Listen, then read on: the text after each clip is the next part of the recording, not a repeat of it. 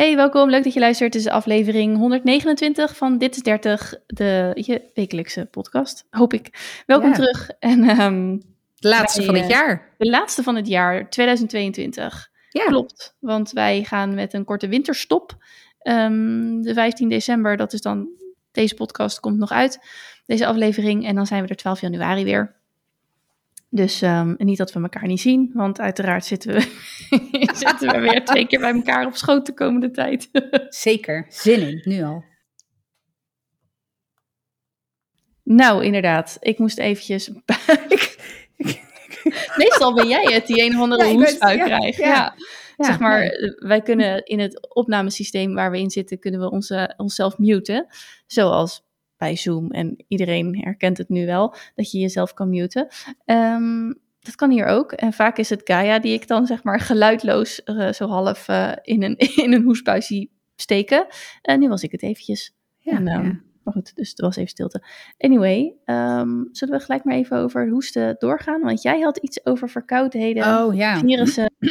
Nou, ik ben wel inmiddels helemaal klaar met eh, ziek, zwak en misselijk zijn. Ik moet zeggen, met mij gaat het helemaal prima. Maar ik had vandaag een ziek kind op de bank. De Mhm. oudste. En ik had al, want eh, hij zit in een klas met uit mijn hoofd 14 kinderen. Vorige week waren daar zes of zeven van in de klas. Dus ik voelde de bui al wel enigszins hangen. En hij, hij was gisteren was hij met eh, zijn tante en zijn opa de hort opgegaan. En hij kwam thuis en hij was moe. En hij ging ook echt liggen op de bank. En, en toen zei ik al tegen Frank, ik zeg, Die is die morgen. is morgen ziek. Dus eh, nou, ik kwam inderdaad vanochtend zijn bed uit. En ja, niet echt heel definieerbaar ziek. Weet je, hij had iets verhoging. Weet je, nog geen 38. En eh, een beetje kuchen, een beetje buikpijn. Maar gewoon al geheel, heel, al gehele malaise. En hij heeft inderdaad de hele, de hele dag, echt de hele dag op de bank gezeten. Gelegen eigenlijk. En ook gewoon hele periode zonder iPad of Switch of whatever wat hem dan bezighoudt.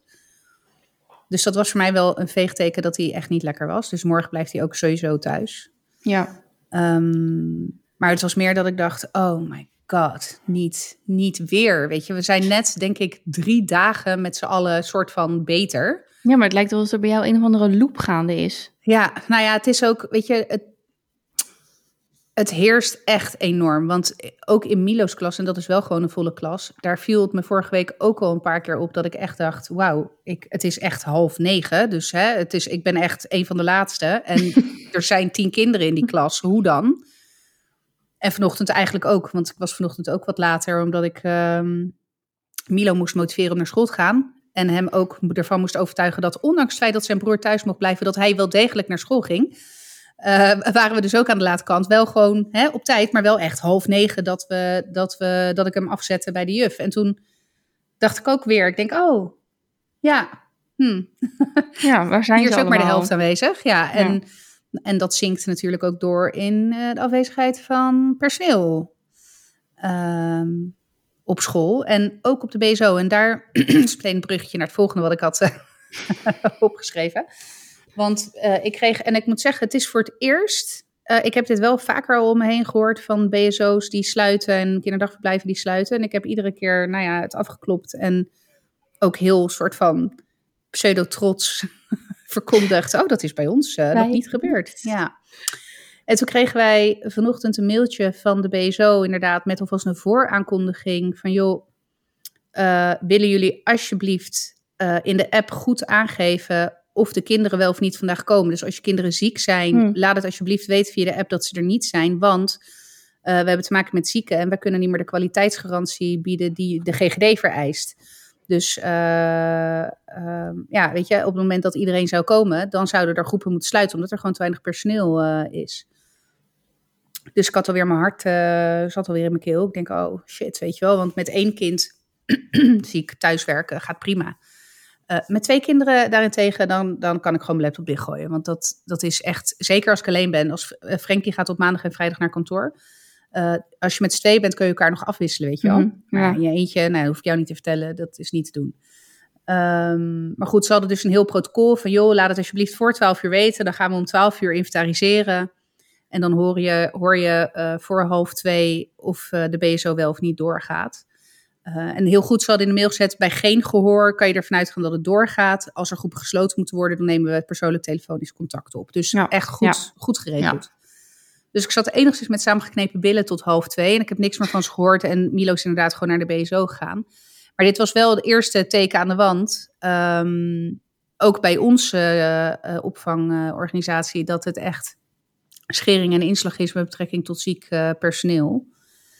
Um, ja, en ik, ik. En kijk, mijn eerste instinctieve reactie. Nou ja, je kent mij ook langer dan vandaag en onze luisteraars inmiddels ook is, ik schoot meteen in een soort van boosheid of zo. Uh, en dat heeft ook te maken met het feit dat ik betaal me echt groen en geel aan die BSO. Het is gewoon een commerciële instelling. Punt. En ik weet dat we dat vaker hebben gezegd. Aan de andere kant heb ik, en dat zouden misschien niet al onze luisteraars zeggen, maar heb ik best wel, ben ik hè, uh, redelijk empathisch. Dus ik kan me vrij goed verplaatsen in andere mensen en organisaties, ondanks dat dat niet altijd zo lijkt. En ik, ik heb, weet je, ik zit ook in, uh, nou niet in deze branche, maar wel, weet je, ik heb dag, dagelijks te maken met, met uh, personeel. Dus ik weet hoe groot het probleem is.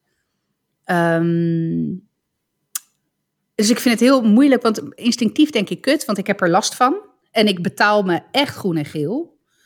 Uh, en plus het feit dat ze ook nog eens enorm de tarief hebben verhoogd voor volgend jaar. Is dat zo? Ja, echt, uh, echt flink. En dat staat ook niet in verhouding met de verhoging die je jaarlijks krijgt uh, vanuit de kinderopvangtoeslag.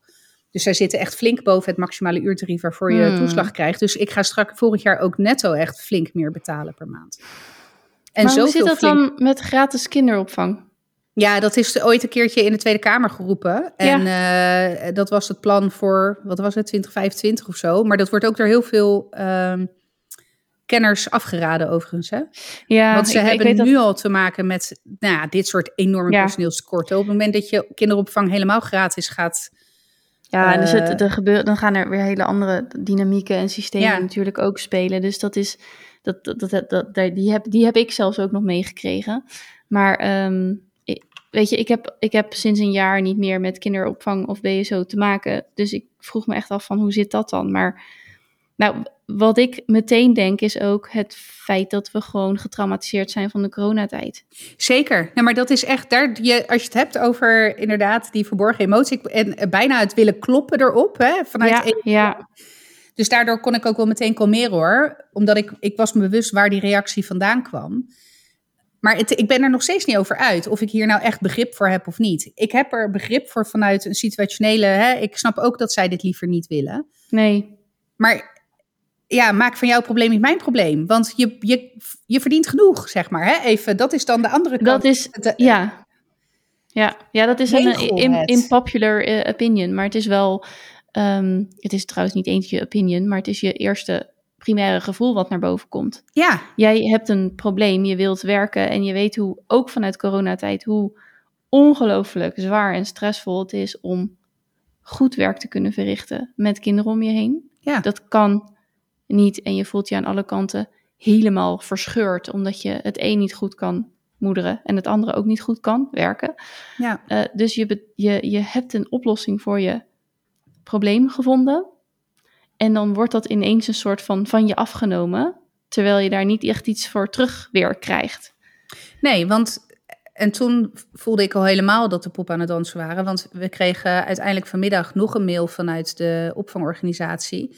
Normaal gesproken werken zij met ruiltegoed. Dus op ja. het moment dat er een groep sluit, inderdaad, of jij geeft op tijd aan dat je op een dag geen gebruik maakt van je contractopvanguren, dan kan je dat ruilen tegen een andere dag. Um, ik moet eerlijk zeggen, wij maken daar nooit gebruik van, omdat ik dat niet nodig vind. Want op het moment dat er, weet je, de dagen dat er geen kinderopvang is, of er geen BSO is, is het ook niet nodig, zeg maar. Dus dan hoeven ze van mij ook niet naar de, naar de BSO. Maar goed, los daarvan. Ze gaan nu afstappen van het ruiltegoed. En ze gaan vanaf 2023 bij het sluiten van groepen, uh, gaan ze het terugbetalen. Mm. Nou, in eerste instantie zou je denken, nou ja, prima, hè, want dan betaal je niet voor de dienstverlening die, er, uh, die je wel hebt afgekocht. Alleen zit je dan echt met een huizenhoog probleem met je kinderopvangtoeslag. Want die is geënt oh. op, op het bedrag, zeg maar. Op wat je jij, contract. Of op je contract en op de uren die jij afneemt. En dus de kosten die jij Oh, maandelijks hebt. gezeik. Ja, dus dan moet je Ja. heel goed, heel goed realiseren dat je die kosten apart moet zetten. Want anderhalf jaar later komen ze nog een keer met een aanslag. Ja. Oh ja, daar gaan mensen mee in de, in de Daar gaan mensen, ja, nou ja, precies. En het is al een onmogelijk kutproces om die kinderen... Het is echt een crime om die kinderopvangtoeslag goed... Ja, nee, dat gaat nooit goed. Want je, je, gaat- moet, je nee. bent. Wij hadden op een gegeven moment echt een potje van 500 euro maar staan. Zo van, ja, als die kinderopvangtoeslag, aanslag, hm, dan uiteindelijk komt in juni of juli van het Ja. afgelopen jaar, dan hebben we in ieder geval, weet je wel, een soort Ja, speling. iets... Ja, ja, en dan soms was er ineens, eh, kreeg je een paar honderd euro terug, dacht je, oh, oké, Ja, lekker. Eh, en soms moest je inderdaad ineens eh, 350 euro bijbetalen. Ja, dat vond ik best altijd wel heftig, inderdaad. Want, en je kunt het niet anders doen, want nee, er is geen Ehm, andere manier. het wordt echt op een naberekening ge- uiteindelijk berekend. Je kunt daar echt niet... Oh, jezus, wat een gezeik, joh. Ja, dus, maar goed, dit was voor mij ook een veegteken, want ze, ze legde ook uit in de, in de mail, en dat snap ik, is dat het ruiltegoed geen zin had, omdat de groepen altijd vol zaten vanwege het personeelsgebrek. Ja, dus, ja. dus ik snap ook wel, ik, ik snap Ja. volledig dat, dat ze En het dan is- maar op die manier doen. Alleen, ja, dit is inderdaad niet ten nade... Het, het- iedereen doet gewoon zijn best en is echt bezig met nadenken over... hoe kunnen we dit doen? Hoe kunnen we de ouders? Welke tijdstippen? Oké, we gaan om 12 uur inventariseren, om half twee. Zij Ja. hebben hier in principe ook geen tijd voor. nee, nee, gedoe. natuurlijk niet. Nee, dus het natuurlijk is, niet. Ja, dus ja, het is ook echt niet... Iedereen doet zijn best, maar het is eh, nijpend wel. Ja, dan- nou ja, en, en ja, ik heb daar echt wel, eh, nou ja, ik heb daar best wel zorgen over. Nu ehm, zitten ze in principe gewoon tot drie uur op school. Dus weet je, wat ik, wat ik voorheen wel eens deed, was dat ik dan de middaguren inhaalde s'avonds. Net zoals vandaag ook. Ik zat dan, was dan vandaag met eh, de oudste was natuurlijk ziek. Ja, dan heb ik vanavond een paar uurtjes nog gewerkt, weet je wel. Omdat ik hem toch wel wat meer aandacht heb gegeven. eh, om te checken of het nog allemaal goed ging. Dus weet je, en dat is prima als dat incidenteel is, hè, dan is dat ook helemaal niet zo erg. Maar ehm, ja, op het moment dat het structureel wordt, wordt het wel een ander verhaal. Dus, eh, want dan ga je gewoon roofbouw plegen. Ja, en dan zijn, hebben wij nog banen waar je nog, zeg maar, kan Waarin kiezen dat of kan. je s'avonds en ja, en je bent Zeker. thuis. Dus Ja. nee, het is niet ideaal. Ja, het is echt een, eh, stressvol iets. En nee, ook wij gaan er uiteindelijk aan onderdoor. Maar wij kunnen in principe die eerste opvang, als om half twee gezegd wordt, je moet ze komen halen. Ja, Dat kan. ja, Maar er zijn natuurlijk ook zat ouders die serieus met, met een probleem zitten, omdat ze gewoon niet thuis zijn. En omdat ze ergens op een, nou ja, ambulance rondrijden. Hè? Ja. Om maar eventjes een makkelijk voorbeeld eh, te noemen. ja, nee, serieus. Dan moet ik ook weer denken aan inderdaad in die coronatijd, dat er dus dan noodopvang was voor... ja, ja. Dus ik ga ervan uit dat ze het dan op die manier wellicht gaan, gaan. Ja. Maar goed, weet je, er is in principe nog niks gebeurd. Maar het was wel al, nou ja, Ja. de eerste Signs, waarschuwingsseinen ja. zijn er wel. Ehm, en ik was gewoon, weet je, ik, ik, een gegeven moment was ik een beetje mezelf aan het analyseren. Of mijn gedachteproces Ja. daaromheen. te- Van, hé, hey, waar komt dit nou vandaan? En hoe zit dat dan? En wat vind ik hier nou van? Ik ben er dus nog steeds niet over uit wat ik er nou van vind. Behalve dan dat het voor iedereen, voor alle partijen kut is, weet je. Dus het is ook niet... eh, en vanuit die, nou ja, gedachte accepteer ik het ook maar. Want ik kan er toch helemaal gereed aan doen. Nee, dus, hè, je kan weet er je. niks aan doen. Ligt het binnen je cirkel van invloed? Zeker Nope. niet. Dus ja, dat maar niet. Dus dat. Dus eh, eh, lang verhaal kort, ik ben helemaal klaar met virussen. Ja, Ja. snap ik, snap ik. Maar de kerstboom is binnen, de kerst. heb ik gezien. Ja, ja, dat was toch wel een avontuur. Want eh, wij hebben dus een full-blown kerstboom van twee meter. Hebben we altijd, ieder jaar.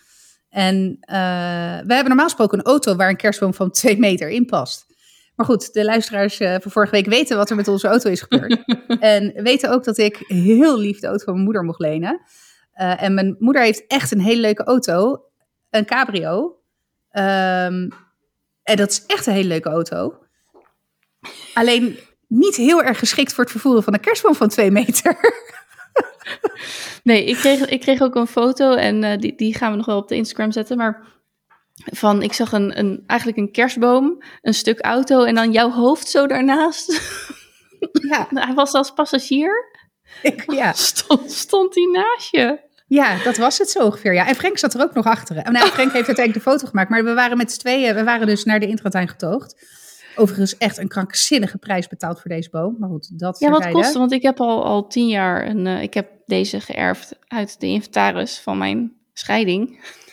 Ja, nou wees er, wees er blij mee, want het nou is ja, ik, hij, hij was ook toen de tijd aangekocht na de kerst. eh, van hey, we kopen deze voor de kerst volgend jaar. Nou, die kwam in ieder geval niet in diezelfde samenstelling van mensen. Dus Wat zeg je dat mooi. dus die heb ik voor, voor het eerst opgezet in de nieuwe samenstelling toen de tijd. Maar eh, dus die, is, die, die, die straalt nog steeds. Het is een witte kunstboom. Eh, maar ik heb ook, ik denk dat we daar, als ik iets moet zeggen, 100 euro voor betaald hebben of zo. Ja, nou dat heb je in twee jaar terugbetaald. Oké, wauw, ja. Nou moet ik wel zeggen, er zijn ook goedkopere eh, opties hoor. Eh, ik weet dat eh, Praxis heeft geloof ik van die aanbiedingen dat je ook voor, weet ik veel, een tientje met dan, weet ik veel, duizend airmiles of zo. Dus er zijn, er zijn goedkopere en betere opties. Maar ja, en dat is echt, dat slaat helemaal nergens op. Maar Frank en ik hebben echt al jaren de traditie dat wij eigenlijk altijd op 4 december s'avonds naar de intratuin togen. want dan is er niemand. En dan halen we de kerstboom, dan staat hij nog een dag in het netje. En dan staat hij 6 december, eh, zetten we hem op. Nou, dat liep deze, eh, dit jaar liep dat eh, iets wat vertraging op. En, hè, hashtag virusgate. En ja, maar goed, uiteindelijk hebben we hem ehm 6 december gehaald, vorige week dinsdag. En, maar goed, dus, we moesten, dus vandaar dat we dus altijd naar de intratuin togen voor een kerstboom. En nou ja, we hebben altijd dit formaat. En ik keek op dat prijskaartje, dacht ik, zo, hier is de inflatie ook gaande zeg. Holy shit, 45 euro voor een kerstboom. Ik bedoel, hij is prachtig hoor, ik kan niet anders zeggen. Maar ik denk dat ik net zo'n prachtige ook ergens anders had kunnen halen. Ehm, maar goed, waar ik wel naar heb zitten kijken dit jaar overigens, als je het hebt over duurzaamheid, want wij hebben dus een kerstboom zonder kluit. Dus ja, die gaat gewoon eh, eh, Dood. 6 januari eh, de groene bak in. ja. Eh, en dat is iets wat me eigenlijk al wel een, een jaar of twee een beetje tegenstaat. Het idee van een, een gezonde boom kappen om hem dan hier in mijn woonkamer te zetten. Zonder dat daar dus een, nou ja, een tweede leven of weet ik veel. Met een kluit kan je hem nog, kan je hem nog planten in je tuin of zoiets. Weet ik veel. Dat heb ik dan een soort van romantisch idee. Alleen dan denk ik ook als je dat tien jaar doet, heb je Nou, dus ja, een ja, in je Precies. achtertuin. Ik bedoel, je hebt, ik weet wel dat je een paar coniferen achterin hebt staan.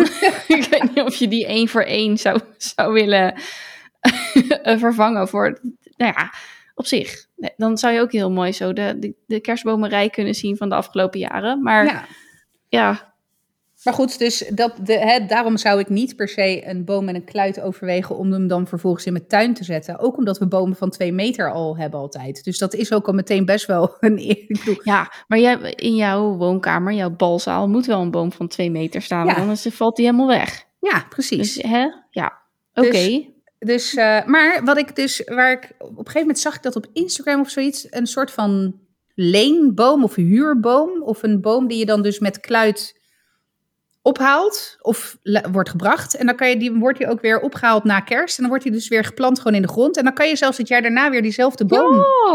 Ja, dus het, het, kijk, het is dat ik er dit jaar gewoon geen, geen tijd voor heb genomen om dat goed te onderzoeken. Hoe dat dan precies zit. Maar ehm, ik had wel zoiets van, oh, dat vind ik wel echt het waard om daarin te duiken. Om dan een soort van adoptieboom op die manier eh, eh, in het leven te roepen. En ik heb wel bedacht dat ik dan misschien maar ter compensatie van de kerstboom... eh, ergens in Afrika een cacaoboom of zo laat planten, weet ik veel. Weet je, van dat Trees for All of weet ik veel, zoiets. maar de ehm, white savior uithangen, begrijp ik. ja, nou, gewoon mijn eigen schuldgevoel afkopen. Maar Ja, precies. Ontzettend altruïstisch dit. ja, ja, want eh, het alternatief is een kunstboom. Maar dat, ik, ik, I cannot gewoon. You cannot... Oh man. Ik heb denk ik nog nooit een... Nee, dat is niet waar. Ik heb natuurlijk in mijn vorige leven een echte kerstbomen gehad. Totdat we deze gingen kopen. Dus ja. Ja, maar het is Ehm. ook, weet je, als ik dan al een kunstboom... Want jij hebt inderdaad een witte. Dus Ja. wat zit dat potlood prachtig in jouw Ja, haar. ik, het is echt heel... dit, ja. dit wordt hem, hè, voor de, Ja. de, de, de reel of weet ik veel, de, de dinges. Maar ehm, jij hebt een witte kunstboom. En ik Ja. heb dan ook wel altijd gezegd... als ik dan een kunstboom zou overwegen... dan ook echt over de top kunst. Dus dat, het, dat er ook geen twijfel over Ja, bestaat... dat dat dat super ding in de is. natuur voor kan komen. Ja, Ja, nee, mijn boom kan echt niet in de... nee, dus, nee ja. je hebt niet zoiets als albino dennenbomen. De Nee, nee, exact. Nou, dus de, want die van mij is echt gewoon spierwit. En ik Ja. vind dat nog steeds mega vet. Dus ik denk dat die de komende tien jaar staat. Ja, Nee, maar nog. ik vind het ook heel vet. Ik vind jouw kerstboom echt vet. No. Ja. Ja. Maar ik kan geen afscheid nemen van de groene dennennaalden en de geur. En zelfs niet van het opvegen van dennennaalden onder de pot. Iedere, Ja, wou zeggen nou ja, iedere dag, dat, maar zo braaf ben ik niet. dat is dus mijn herinnering van thuis. Wij hadden vroeger thuis altijd eh, vloerbedekking op de vloer. Oh, En, dat is eh, kut met een, ja, met een maar dus, kerstboom. dus het was altijd gezeik met die naalden en die vloerbedekking.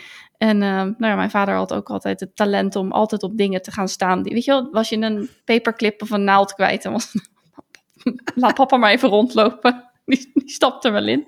Dus die had volgens mij ook altijd die naalden in zijn sokken zitten en zo. Maar ja, nee, ik, heb, ik snap het wel.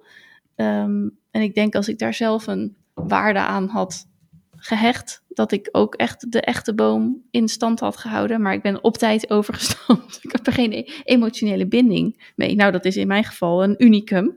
Want ik Ja. heb zo ongeveer met alles een emotionele binding. Dus eh, nou, hè, lekker. Dus dat, maar goed, ik, ik, we moesten dus eh, in de, de cabrio eh, de kerstboom ophalen. En de enige optie was eh, om dat, zeg maar, met het dak open te doen. Ja. eh, de kerstboom erin te tillen. En we hadden eerst op bedacht om dan maar gewoon met kap open naar huis te rijden. Alleen ging het echt keihard regenen. Dus toen dacht ik, ja, dat doe ik het autootje van mijn moeder ook niet aan, zeg maar. Hè? Dat is ook een beetje lullig. Eh, dus we hebben uiteindelijk na, met die kerstboom naast, naast die auto gestaan. Het, het was echt, ik denk dat als we gefilmd waren, dat we dan op dumper terecht waren gekomen. Want het, het zag er niet uit. Want mijn moeder heeft dan dus een B&B cabrio, eh, maar dat is een vrij kleine auto. En dan sta je ernaast met een kerstboom van 2 meter. Het giet echt als een motherfucker. En wij staan elkaar aan te kijken. En op een gegeven moment kreeg ik ook gewoon een slappe lach. Dus ik zei ook zo van, laten we even op buienradar. Want Frank die was er klaar mee. Die zegt, joh, we knallen gewoon dat ding erin. Ik zeg, nee, nee. Ja, ik heb ook een soort van dan angst dat die auto van mijn moeder gewoon verzeikt of zo. ja, precies, dat die vol auto. loopt of weet ik Ja. veel. Het is toch niet de bedoeling dat je een cabrio laat nat regenen? Nee, precies. Nee. Dat lijkt mij dus Er zijn die dingen niet opgemaakt. Nee. Nee, precies. Dus, maar uiteindelijk hadden we één moment waarop het dan zeg maar ineens ging miseren. Dus wij keken elkaar aan en dachten echt, dit is het moment. Maar je zag mensen echt kijken zo naar ons en dan naar die boom en naar die auto. En elkaar dan zo aankijken, zo van, ja, die mensen zijn niet goed hoor. Ik weet niet Nee, wat hier gebeurt, maar Ja. eh, ja. dus uiteindelijk, nou ja, hè, dus het miserde. Dus wij die kap open, die boom erin getild. Frank erachter gewurmd. En die moest de top van de boom naar beneden trekken, zodat ik de kap weer dicht kon doen. dus nou ja, wij naar huis gereden. En toen moest de hele exercitie opnieuw gedaan worden. Want ja, en dat moest ook, want Frank die kon er niet uit zonder dat die kap open ging. Want die zat helemaal ingeklemd tussen de passagiersstoel en de boom. Dus eh, ja, dat zorgde best voor wat hilariteit. Maar hij staat, de auto is droog en heel. eh, en er past meer in zo'n kleine auto dan dat je denkt. Inclusief een cabrio, of een cabrio, een boom van twee meter. ja, maar ik zie dat helemaal voor me, want je bent dan net zo'n eh, ja, zo'n luxe paardje. Dus je, bent met je, je hebt er niet over nagedacht, je bent met je cabrio daarheen gegaan. Gewoon, want dat is altijd het boodschappenwagentje. Nou ja, ja. ja, maar dat is wat de perceptie van andere mensen Precies. geweest, 100%. Want En dan ook met een boom van twee meter naar buiten komen. Ja. Echt mensen denken, oh mijn god, ja. Ja, want het heeft wel, weet je, die auto heeft wel een bepaalde, ja, weet je, dat, je ziet inderdaad zo'n BMW Cabrio rijden, je Ja. denkt, oh, luxe paardje, weet je wel. Ja, en dan, precies. terwijl, we hebben wel degelijk erover nagedacht hoe we dit zouden gaan doen of moesten doen. Alleen we hadden er geen rekening mee gehouden dat het keihard ging regenen. Ja, maar Want het is ook... we liepen intratuin en die heeft zo'n glazen dak, Ja, weet je wel. ja, ja. En dan hoor je het zo tikken en we keken elkaar aan en we dachten echt, nee, fuck. Maar het is toch ook mooi dat zeg maar je, je, dit was echt, dat je echt denkt, ja, het was echt onze enige optie om de, om de BMW Cabrio te pakken. Weet je wel? Ja, maar je, voelt je, je voelde je ook een soort van... Ik had bijna zoiets van dat ik me moest verantwoorden inderdaad voor deze Ja, zo van, idiote... Ja, auto en katalysator. Ja, en, eh, ja, er zit een heel verhaal aan vast, 128. mensen. Ja, ja, ja, zullen we even afspelen? Dan weet iedereen hoe het zit. Ja, Het is dat. Maar goed, hij staat. fijn. Heel fijn. Ja. Ik vond overigens de kerstmarkt van de Intratuin tegenvallen dit jaar. Oh, nou, wij zijn naar de Driesprong gegaan. Ja, wij, dat, die staat nog op mijn lijstje. Want die is Ja. Leuker dan die van de Intratuin volgens mij. Ja, al had ik wel zoiets van wanneer. Want het beginnetje was, was leuk. En toen was het gewoon win ja, mooi aangeklede winkel. Eh, toen dacht ik, ja, komt er nog iets? En toen kwam er daarna op zich nog wel weer wat. Want de ehm, uitstalling van alle van die huisjes en zo. Oh ja, Die, is echt, eh, die is echt weer prachtig. ja. Dat is altijd zo goed gedaan. Dus, ik vind dat bij ehm, andere mensen altijd heel prachtig. Zeker, en vooral in de driesprong. Ja. En dan ja, die heb ik niet geërfd vanuit mijn, Nee, nou, het komt bij mij mijn huis niet in. vanuit mijn inventaris. En dat vind ik ook niet zo erg. Dus eh, Nee, nou moet ik wel zeggen, ik zag dit jaar voor het eerst, en misschien bestaat het wel langer hoor, maar ik zag eh, dit jaar dat er ook van die huisjes nu van Lego zijn. En daar ging ik wel op aan. Dat ik ja, dacht, dat snap ik. als Lego-fanatisch gezin, weet je, als ik dan überhaupt al iets van een kerstdorpje in mijn huis zet, dan van Lego. Ja, maar dan heb je er ik- zelf ook nog wat aan, want dat is leuk om te maken. Ja, precies. Maar goed, hij is er niet hoor. Dus, Maar eh, even, even serieus, als je die, die Lego-dozen in de Intertoys ziet, dan wil je ze toch eigenlijk allemaal hebben om allemaal te maken? Zeker. Echt. Gewoon heel Harry Potter en alle... Oh, dat Zwijnsteinkasteel, dat, die staat echt op mijn... eh, Maar die zou ik, weet je, want daar hebben we volgens mij ook al een keer eerder over gehad. Je, er zijn van die bedrijven waar je Lego sets kan huren. Eh, dus dan kan je gewoon zo'n Zwijnsteinkasteel, die, waar je normaal gesproken, weet ik veel, 600 euro voor betaalt. Ja. Echt belachelijke prijzen. Maar die kan je dan dus huren, dan kan je hem bouwen. Dus dan heb je wel de bouwervaring en dan kan je hem daarna ook gewoon weer teruggeven. En dat vind ik ook gezien hashtag troep in Ja. je huis, vind ik dat ook wel fijn. Dus dat, die, die, eh, ik ga dat ook gewoon een keertje proberen. Gewoon een keertje zo'n Lego set huren om te kijken hoe dat is. Ja, want het bouwen is gewoon het allerleukste daaraan. Mhm. Want dan- dan is het klaar. En dan denk ik, ja, ik wil het weer uit elkaar halen, want ik wil het weer opnieuw doen. Ja, ik bedoel, nee, die, ja, die, dat- die, ja. die bloemen zijn echt mega leuk. Maar ik, zit daar, ik heb al drie keer gedacht, mm, ik ga ze allemaal weer uit elkaar eh, halen. Maar goed, ik heb andere dingen te doen. Nog even. Dus ehm, laat ik het laat Ja, ik ik heb dat minder. Ik, ik heb drie van die bouwwerken hier op mijn kast staan. Ik heb de Empire State Building, de hand van Marvel, zeg maar, van Thanos. En eh, de Statue of Liberty. Had jij niet echt- ook eh, Central Park van Friends? Central Park van Friends, maar die heb ik, ja, dat klopt, maar die heb ik wel weg, eh, weggedaan. Of tenminste in een doos gezet. Want eh, het nadeel namelijk van Lego is dat het echt stof Ja. pakt als een motherfucker. En die gebouwen die ik nu heb staan, die zijn redelijk glad aan de buitenkant. Dus daar kan ik nog wel met een duster overheen. Maar dat, dat appartement van Friends, Ja, dat of, is, dat, is, dat is niet te doen. Dat is allemaal Nee. zo klein. En dus die heb ik uiteindelijk in een doos neergezet. Eh, maar ik heb dus niet de neiging om die drie bouwwerken uit elkaar te halen en weer opnieuw te bouwen. Oh, mijn handen zouden jeuken. Nee, ja, dat, heb ik dan weer niet. Nou ja, gelukkig heb ik een kind gemaakt dat hetzelfde heeft. Dus ik kan echt, eh, dit is echt gewoon, ja, het is gebouwd. Ja, kent weer uit elkaar? Dan dacht ik, ja, Ja. ja, zeker. Jij bent van Oh, mij. Ik ga ja. even hoesten. Nee, dus dat, ja, ik, ik heb niet die neiging met het uit elkaar halen. Het enige waar ik eigenlijk nog naar op zoek ben, is een soort van multiplex doos die ik er overheen zou kunnen doen. Tegen het stof. Dus dat Als is echt soort- als een soort van eye-catcher of een soort van kunst. Zo. Als een soort stolp, zo. ja, zoiets. eroverheen. Ja, zoiets. Hm. Gat in de markt. Nou ja, het schijnt te bestaan. Ik heb het bij Fred van Leer gezien. Fred van Leer is echt een enorme Lego-fanaat. Ja, echt Eh, waar? En ik wil, nee, ik heb hem volgens mij, ik heb op het punt gestaan om hem te DM'en om te vragen waar hij die box vandaan had. Ja. Eh, want hij heeft dus, eh, hij heeft dus inderdaad eh, overal zijn huis van die boxen staan, zeg maar, met die bouwwerken erin. Dan denk ik, ja, weet je, nou, maar dat zie ik, ja, als het echt een mooi stuk is, ondertussen zit ik de hele tijd te loeren naar mijn Lego bouwwerken, maar ja. dan zou ik dat wel vet vinden. Want er is één Lego set, die zou ik wel, denk ik, nog graag dan willen houden. En dat is die piano van Lego. Ken je die? Die Nee, vleugel. nee. Oh, die is echt vet. Die is echt vet. Kan je er ook op spelen? Nee, je kan er niet, daar komt wel volgens mij muziek uit, Uit. Ja. eh, dacht ik. Maar je kan niet, de, je kan wel volgens mij de, De toetsen indrukken toetsen- of zo. ja, denk ja. ik. nou goed, nu ga ik twijfelen of dat kan. Maar Ja, wat ik dus wat ik echt heel cool vind van die, eh, van die bloemen, is dat er gewoon stukjes in gebruikt worden die ik gewoon herken van, oh, dit zijn motorkappen van autootjes. Ja, Ja, dat, dat, dat soort dingen. Natuurlijk zijn ook wel echt bloemetjes zitten erin, dus er is ook wel echt wat geproduceerd daarvoor, denk ik. Ja, ik vind dat gewoon briljant, dat iemand dat dan gewoon zit te verzinnen. En, ja, dat iemand ehm, naar zo'n, naar zo'n motorkapje kijkt en denkt... hé, hey, dat zou Oh, ook een blaadje van een bloem ja. kunnen zijn. Ja, precies. En dan, nou ja, binnenste buiten, achterste voren. En dan is het in één keer weer wat anders. Ja, ik vind het echt heel tof, Lego. Ja. Dus ja. Zullen we even van Lego naar de overgang gaan? Ja, ja, wat een briljante overgang. nou, hè, dank je. Pun intended. Eh, ik, ehm, nou, de, luisteraar, de vaste luisteraar weet dat ik aan het rommelen ben met mijn hormonen, met mijn cyclus. En dat dat verrassend voor me is, omdat ik twintig jaar lang eh, kon de klok erop gelijk zetten. 29 dagen, voelde ijsprong, alles gewoon kadang.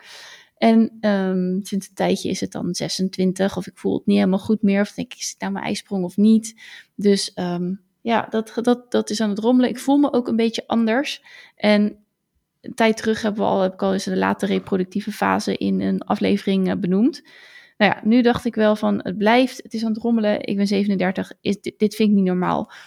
Um, maar dan ga je dus te raden bij uh, je moeder.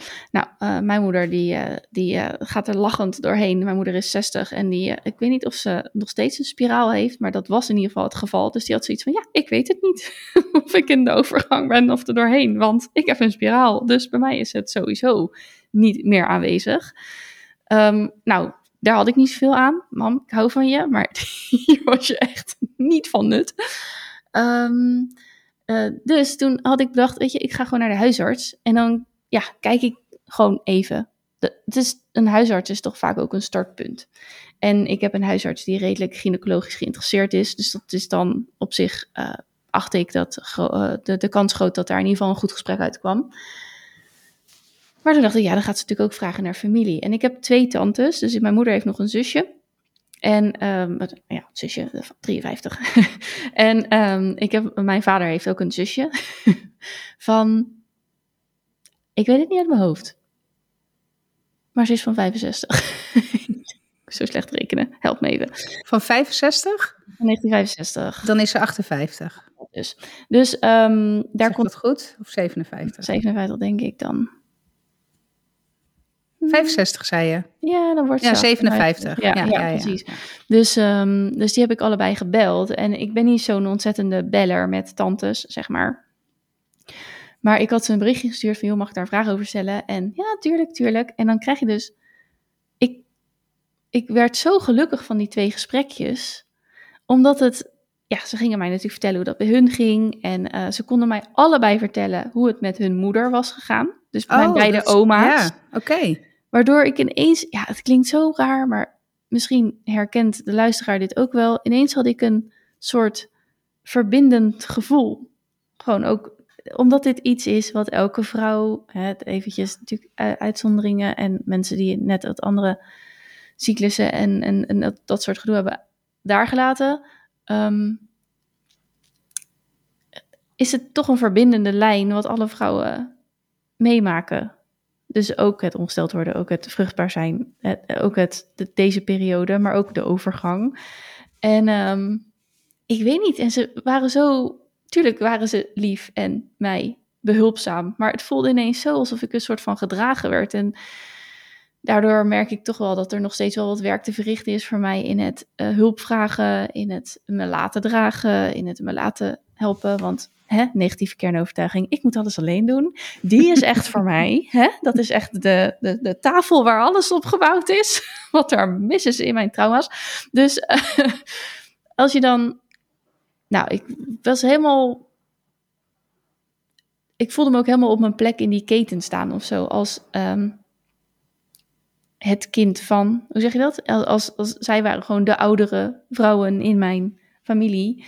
En um, ja, dat, dat voelde echt heel erg warm en rustig. Het gaf me heel veel rust.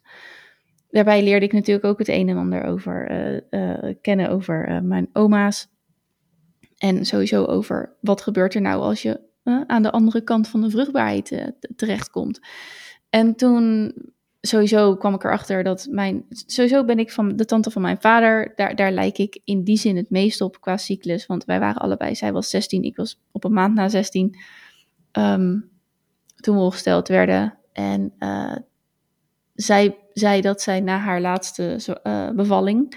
En zij kreeg mijn nichtje toen zij bijna 41 was. Um, ze zegt toen lag ik eigenlijk al, al direct met um, zweetaanvallen in bed. Dus toen begon het eigenlijk al. En dat is in mijn geval dus over 3,5 jaar. Wat, hè, dus als ik nu lichtelijke veranderingen krijg. Ik kijk er niet naar uit om met uh, opvliegers en zweetaanvallen in bed te liggen over drie jaar. Maar uh, als ik die ook. En bij mijn oma was dat dus ook zo. Laat ongesteld en relatief vroeg uh, met In overgangsklachten overgang, ja. beginnen. Ja, uiteindelijk is het bij haar tot de 48ste doorgegaan. En mijn andere tante die vertelde ook dat het bij haar was het dan niet zo heftig. Zeg maar, de, de klachten waren best te, te doen.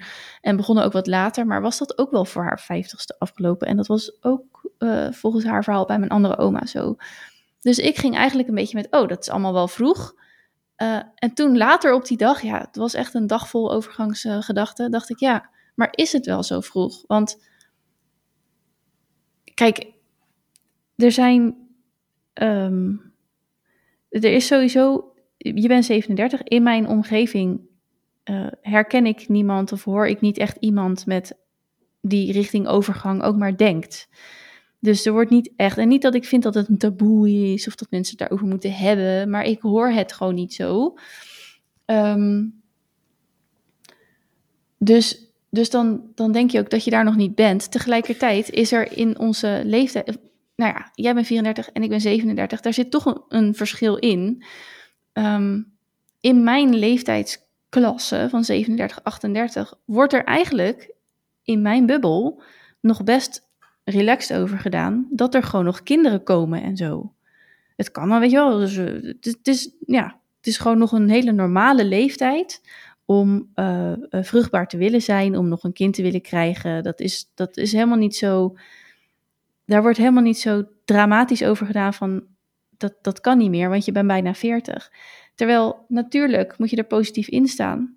Maar we kunnen de biologische klok negeren. Nou ja, uh, volgens mij worden zwangerschappen boven het 35ste levensjaar geriatrische zwangerschappen Geriatrische genoemd. zwangerschappen, ja. ja. En, en het is ook zo dat vanaf je 30ste holt het echt naar beneden. Ja, ja dus je hebt ook nog de, de kans zeg maar op complicaties. Uh, ja, of, of sowieso dat je ook. ovulaties gaat overslaan. Dat het ja. allemaal gewoon wat minder uh, structureel en wat minder levensvatbaar en wat minder van ja. kwaliteit. En en dan denk ik, ja, dan ben je met 37,5, uh, ruim 37,5, ben je aardig op weg naar gewoon niet meer zo vruchtbaar zijn. Terwijl de gedachte uh, is helemaal nog niet, ik heb gewoon, weet je wel, uh, ik, er zijn echt nog wel, wel baby's in mijn omgeving ja, van, ja. van vrouwen die ook uit 1985 zijn. Ja. En die, en ook nog gewoon, oh ja, misschien nog wel eentje, of weet je wel, ik weet nog niet of ik klaar ben. Of, en daar wordt dan niet heel angstig over gedaan van uh, ik wil het nog zo graag en ik ben nog la- ik ben wat laat, weet je wel. Nee, dus mijn hele idee van dat we richting de minder of onvruchtbare fase gaan, zit er nog helemaal niet zo in. En dus ik dacht eigenlijk, die hele, de, uiteindelijk was mijn conclusie dat het misschien helemaal niet zo heel vroeg is. Maar de dokter zei ook, was goed gesprek bij huisarts. En zij zei ook, uh, volgens mij voel jij je lijf heel goed. Nou, dat klopt ook. Ik voel veel gebeuren ook van binnen.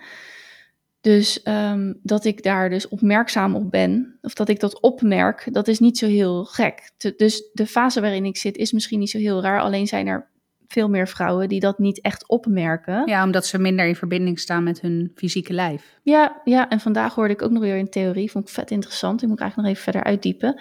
Um, dat er gynaecologisch uh, gezien, of gynaecologen zijn, die er, dat is nog, of het echt onderzocht is, weet ik niet maar niet heel erg, dat mensen met sproeten, dat die meer gevoelig zijn.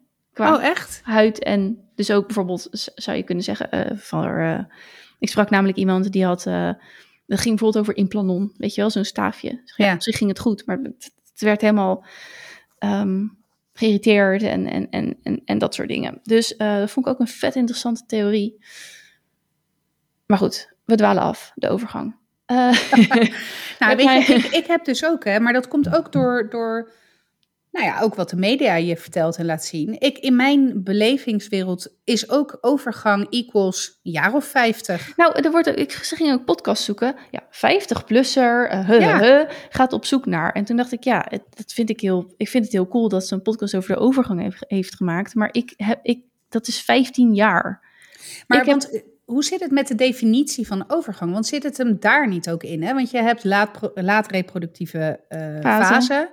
Je hebt echt daadwerkelijk de overgang. Maar wanneer noem je het dan wat? Dus hoe zit het qua definitie? Wanneer ben je dan in de overgang en wanneer ben je in je laat reproductieve fase? Ja. Of de ja. premenopauze? Of weet je, ja. er zijn zoveel termen ook waarmee wordt gegooid. Ja, mijn, mijn arts zei ook, mijn huisarts zei ook van ja, de overgang is gewoon ik zeg ja, eigenlijk is, zegt het woord het al.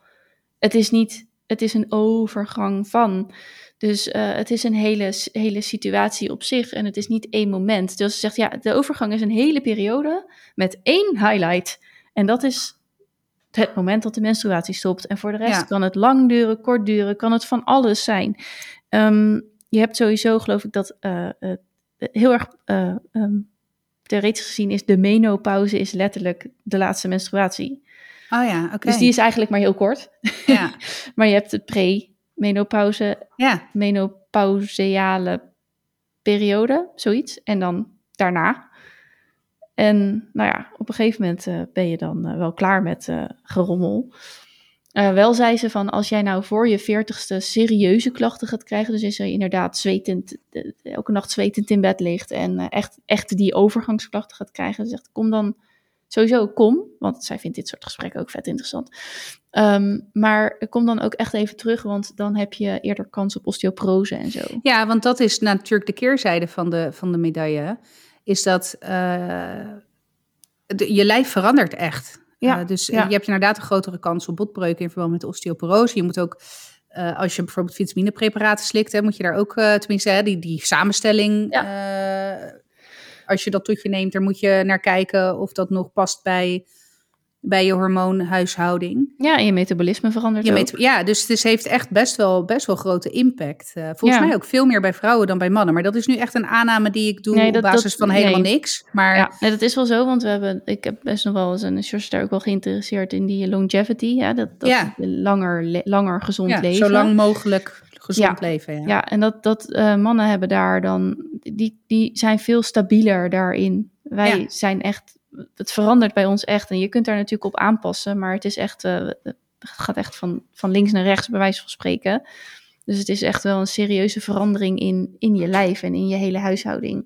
Wat ik wel interessant vind, hè, want je, je, je gaf aan je moeder, die, die heeft uh, jaren een spiraal gehad. Misschien heeft ze hem nog.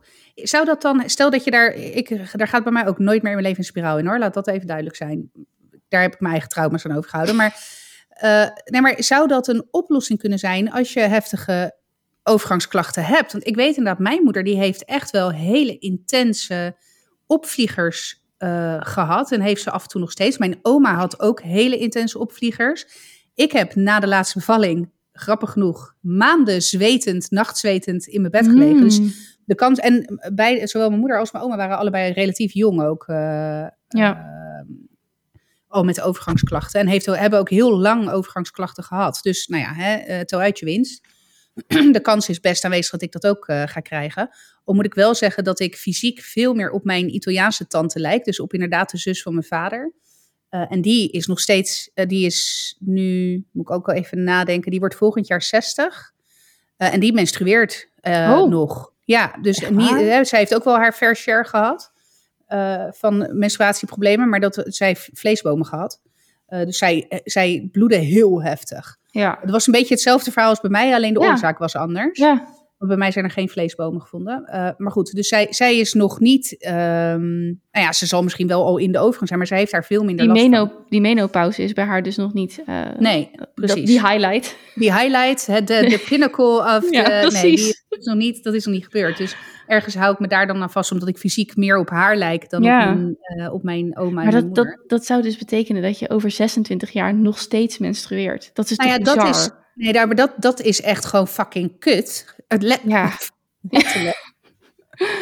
Uh, letterlijk, alhoewel moet ik heel erg zeggen dat mijn menstruaties tegenwoordig niet zo heel veel meer voorstellen. Maar goed, dat zou wel heel kut zijn. Trouwens, dat zou in mijn geval echt kut zijn, omdat ik die... Ik heb natuurlijk die uh, ja, gehad, maar die heeft een houdbaarheidsdatum. Want dat is ook waar de gynaecoloog me toen voor waarschuwde. Van joh, je bent echt nog jong voor deze ingreep. Want het endometrium groeit in principe gewoon weer aan. Dus de kans is aanwezig dat je over tien jaar weer met hetzelfde probleem zit. En over het algemeen doen ze zo'n ablatie maar één keer. Omdat het risico is voor de perforatie van je baarmoeder. En dan ben je nog veel verder van huis. Ja, dat is dat, ja. Dat, dat terzijde. Maar terug naar jouw moeder en de spiraal. Zou dat wel een optie kunnen zijn als jij hele heftige overgangsklachten hebt, om die daarmee te ondervangen. Om gewoon te zeggen, joh, weet je, ik pak gewoon twee keer een spiraal uh, van vijf jaar en ik uh, ga zeg maar, nou ja, fictief zeg maar, soort van die menopauze door en dan haal ik hem eruit en dan zie ik het wel weer. Dan Want ben dan, ik weer klaar, ja. nou ja, Ja, dat- of dat- ga je dan een soort van snel pressure cooker? Ik, ik heb geen idee hoor. Ik- Nee, nou, het is denk ik ook hoe je lichaam reageert op de spiraal. Want ik weet dat mijn moeder, die, dat weet ik nog toen ik ook nog thuis woonde, die had altijd echt, echt serieuze van die hormonale hoofdpijnen. Nou, die heb ik gehad met mijn zwangerschap. Dat is echt geen geintje. Ja, dat is echt hormonale heel- hoofdpijn heel is echt geen ja. grappen. Gewoon grapje. Ja. Dus zij heeft een aantal dingen wel geprobeerd. Ehm, dus uiteindelijk is zij echt in de halleluja gegaan van die spiraal. Omdat het haar, de- die maandelijkse, echt, nou, ze was... Oké, eh, dit is, zij heeft echt een pijngrens van eh 1 miljoen of zo. Eh, en ze is nooit ziek.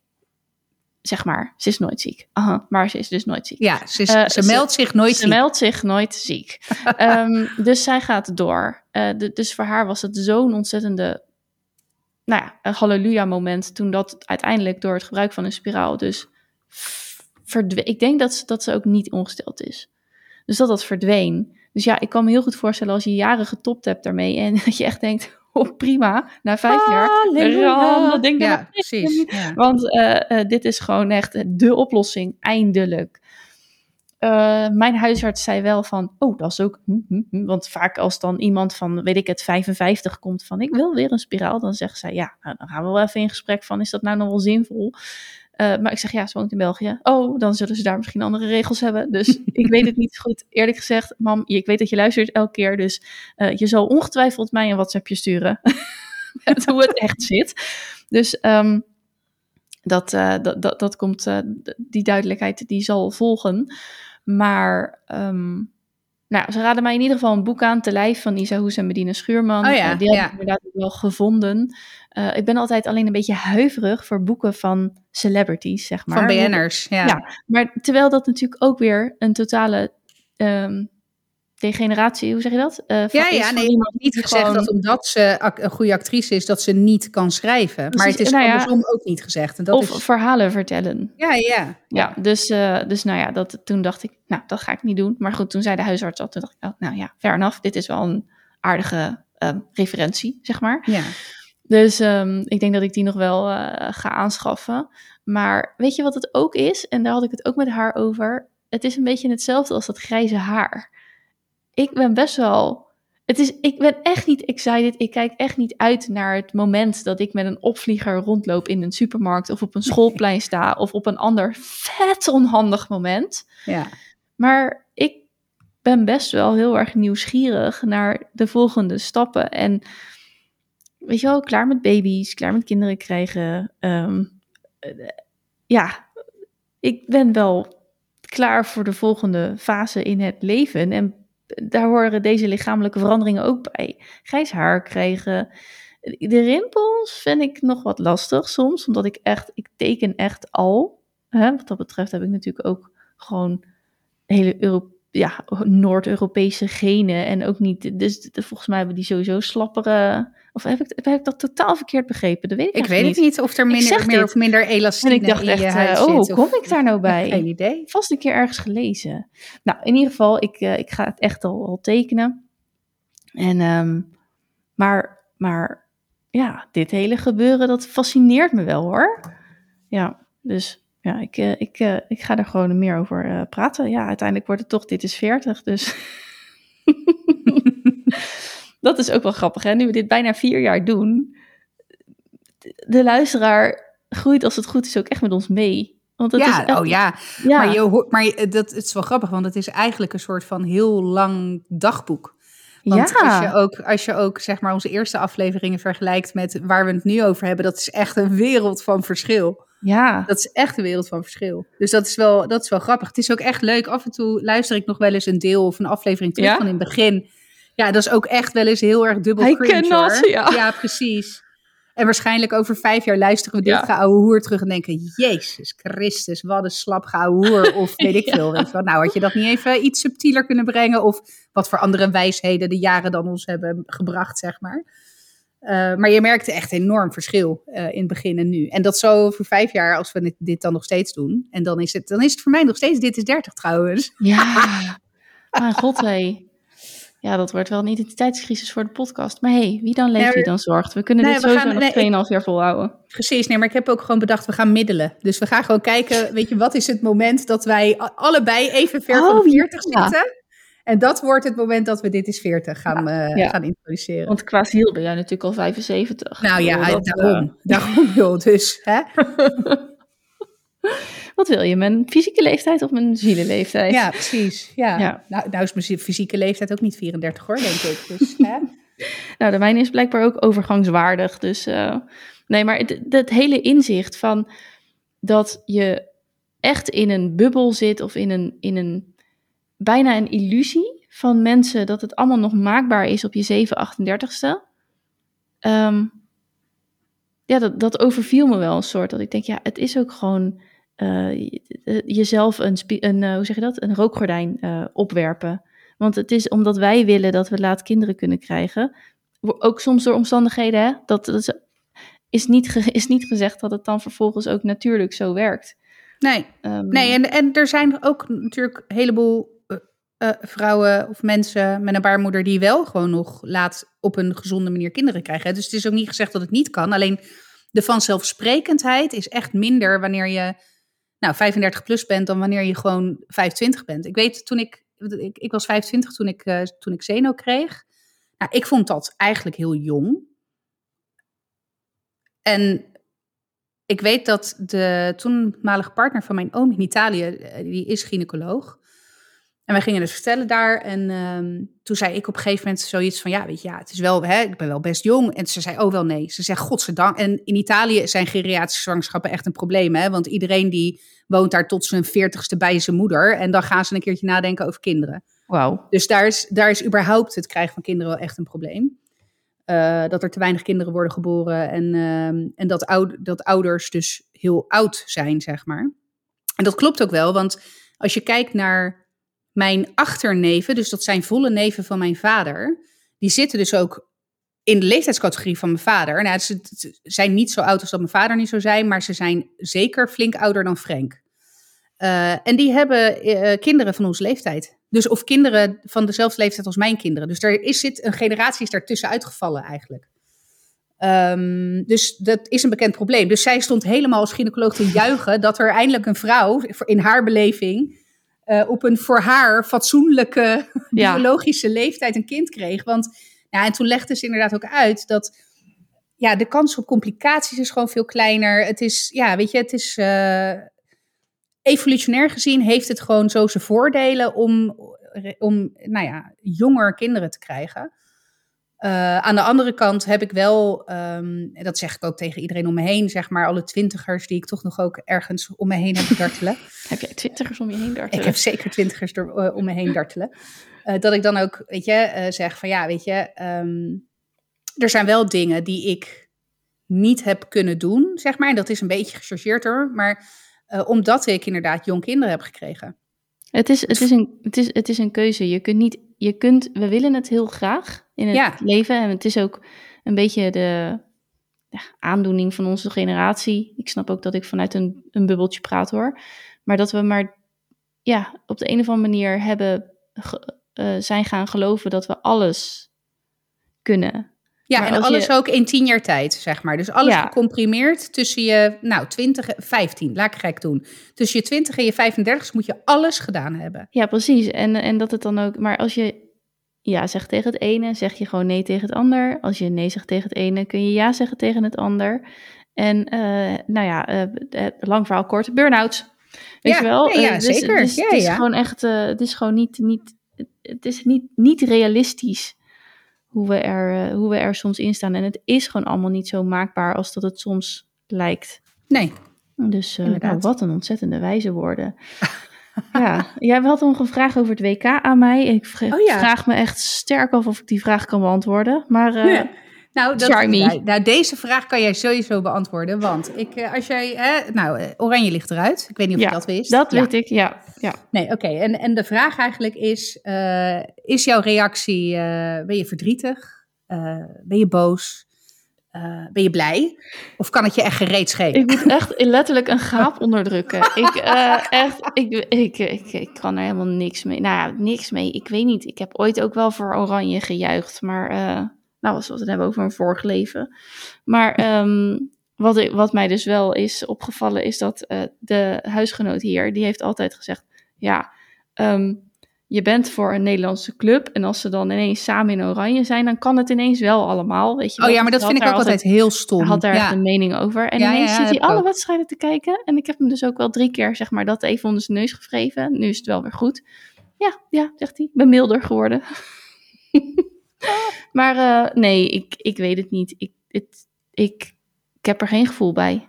Nee, het interesseert Nee. gereed. Nee, Oké. nee, het duurde lang, die laatste. Nou, die laatste wedstrijd duurde lang, ja, en was echt een kut einde. Nou, ik vond het leuk voor Wout Weghorst. Ik, maar ik vind hem sowieso leuk. Ik heb echt een zwak voor Woutje Nou, Weghorst. kijk, weet je- ik weet vind je- hem echt leuk. Ik riep nog vanuit mijn oude, ik wist er nog iets van leven. Dat, eh, toen stond hij op een lijstje of zo, of hij werd opgenoemd. Ik zeg, Wout Weghorst. Weet je wel? Alsof je, nou, ik ben ooit fan geweest van Marnix Kolder. Nou, de, de kenner die denkt, eh, weet je wel, dat je dan zo'n... Maar ik, weet je, dat was ook niet eerlijk, want weet ik veel. Ik heb Wout Weghorst helemaal niet gevolgd de afgelopen acht jaar. Dus, eh, en nou, toen was hij natuurlijk de held van de avond. Dus dat vond ik erg leuk voor hem. Ik ook, ik ook. En ik, ik draag mijn warm hart toe. Ik, vind het, altijd- ik heb sowieso altijd wel iets met, met mensen die afwijken van de norm. Hè? Vind ik leuk. Ja, Beetje enfant terrible. Ik ben bijvoorbeeld ook enorm fan van Ziyech. Die, van, die oud Ajaxiet die nu voor Marokko trouwens halve finale heeft gespeeld. Ik ben dus ook echt volmondig voor Marokko. Eh, was ik eigenlijk al voor, de, hè, ben ik al het hele WK. eh, maar voornamelijk vanwege Ziyech, want ik vind hem gewoon echt een prachtvent. Eh, dat is eh, die ene je- met die kraaloogjes, toch? Ja, Ja. precies. En De het is de terrible. Ja, ik hou daarvan, joh. Een beetje lekker er tegenaan schoppen. En zeker tegen die journalisten die altijd maar diezelfde kansloze Jezus, kutvragen ja, stellen. Echt, oh, nou, maar daar ging ik ook echt helemaal los op. Want op een gegeven moment was het een of andere vrouw, vrouw sorry, een of andere vrouwelijke, een of andere journalist. ehm, die was op visite bij Siem de Jong, denk ik. En die stelde echt de vraag, als, nee, wie speelt er nou mee? Luc of Ik denk Luc de Jong. ik, Nou, ik dacht, een van de twee, ja, ze was Ja. op visite bij de broer die niet meedeed. oh, dat is dus- Siem dan. Ja, ja, dus toen zei ze, als Luc scoort, scoor jij dan ook een beetje? Nou, toen zat ik echt, wat Gadver, de echt, mag ik even fuck is dit in- voor vraag? Dit gaat, dit is, en wat moet zo'n gast daar nou op antwoorden? Ja, niks. Nou, eh, nee, want hij is daar. En ik, nou, het is echt, en toen had ze daarna nog zo'n vraag en toen dacht ik echt, I, I cannot, I, ik kan dit niet. Dit is zulke verschrikkelijke tv. ja. Hou op, hou op. Hoe, hoe, hoe durf je mensen hiermee lastig te vallen? Nou ja, dat. En ja, dat.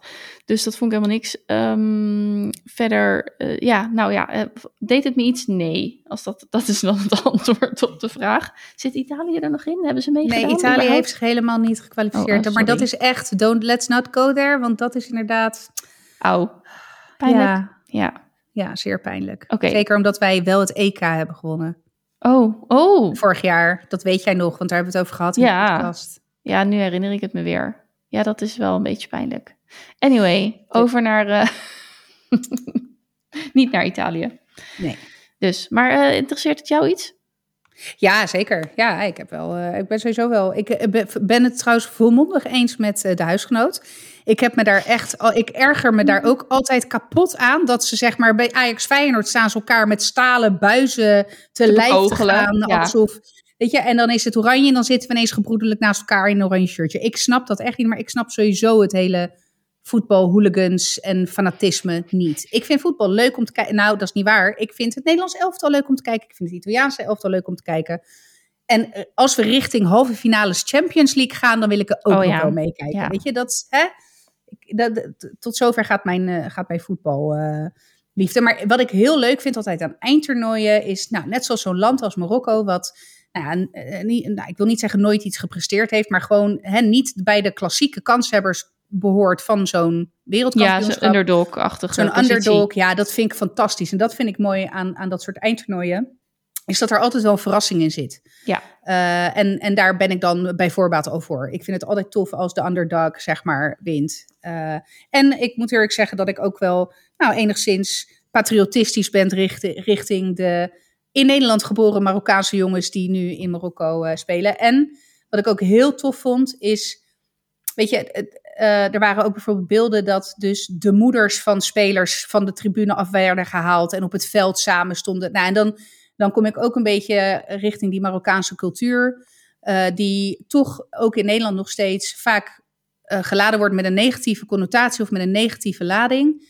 En het helpt dan niet dat er um, ruilschoppers zijn die dan ook hè, vandalisme gaan uitvoeren. Maar goed, dat staat voor mij los van uh, het Marokkaan zijn of het gelovig zijn. Um, uh, maar dat, ik vind dat dan een, mooie, een, een mooi voorbeeld van die Marokkaanse cultuur. Hoe dat dan nou ja, echt tussen hè, haakjes zit in ieder geval in de gesprekken die ik met bijvoorbeeld Marokkaanse collega's, maar ook Marokkaanse uitzendkrachten heb gevoerd over hun traditie, hun geloof en hun cultuur. En dat vind ik dan, ik krijg echt kippenvel en tranen in mijn ogen als ik dan zo'n moeder zie op het veld vol trots met haar zoon samen te springen omdat ze de halve finale hebben gehaald. Ja, dat vind ik echt prachtig. Vind ik echt, daar geniet ik echt van. Dus lang verhaal kort, heb je er iets mee? Ja, ik heb er wel wat mee, maar ik, ik heb sowieso wel met, ja, sport emotioneert mij sowieso ja, altijd ja. wel. Dus uh, ja, binder. Daar ben ik een voor. That. Ja, ja, ja. iets met een uh, Abu Dhabi 2021 uh, Max Verstappen. Ja. Wauw. Dat is voor eeuwig. Ja. dat is echt voor eeuwig in het collectieve geheugen. Echt. Maar echt, ja. Ja, het was echt een vertoning. Maar wel, uh, ja, wel een goede. Dus. Maar goed, uh, jij hebt boeken gelezen deze Ik heb boeken gelezen, ja, want jij zegt uh, geloof. En daar dacht ik, oh, dat is een hele mooie brug. Ik heb namelijk uh, twee boeken die ik als leestip wil meegeven, of in ieder geval eventjes wil bespreken.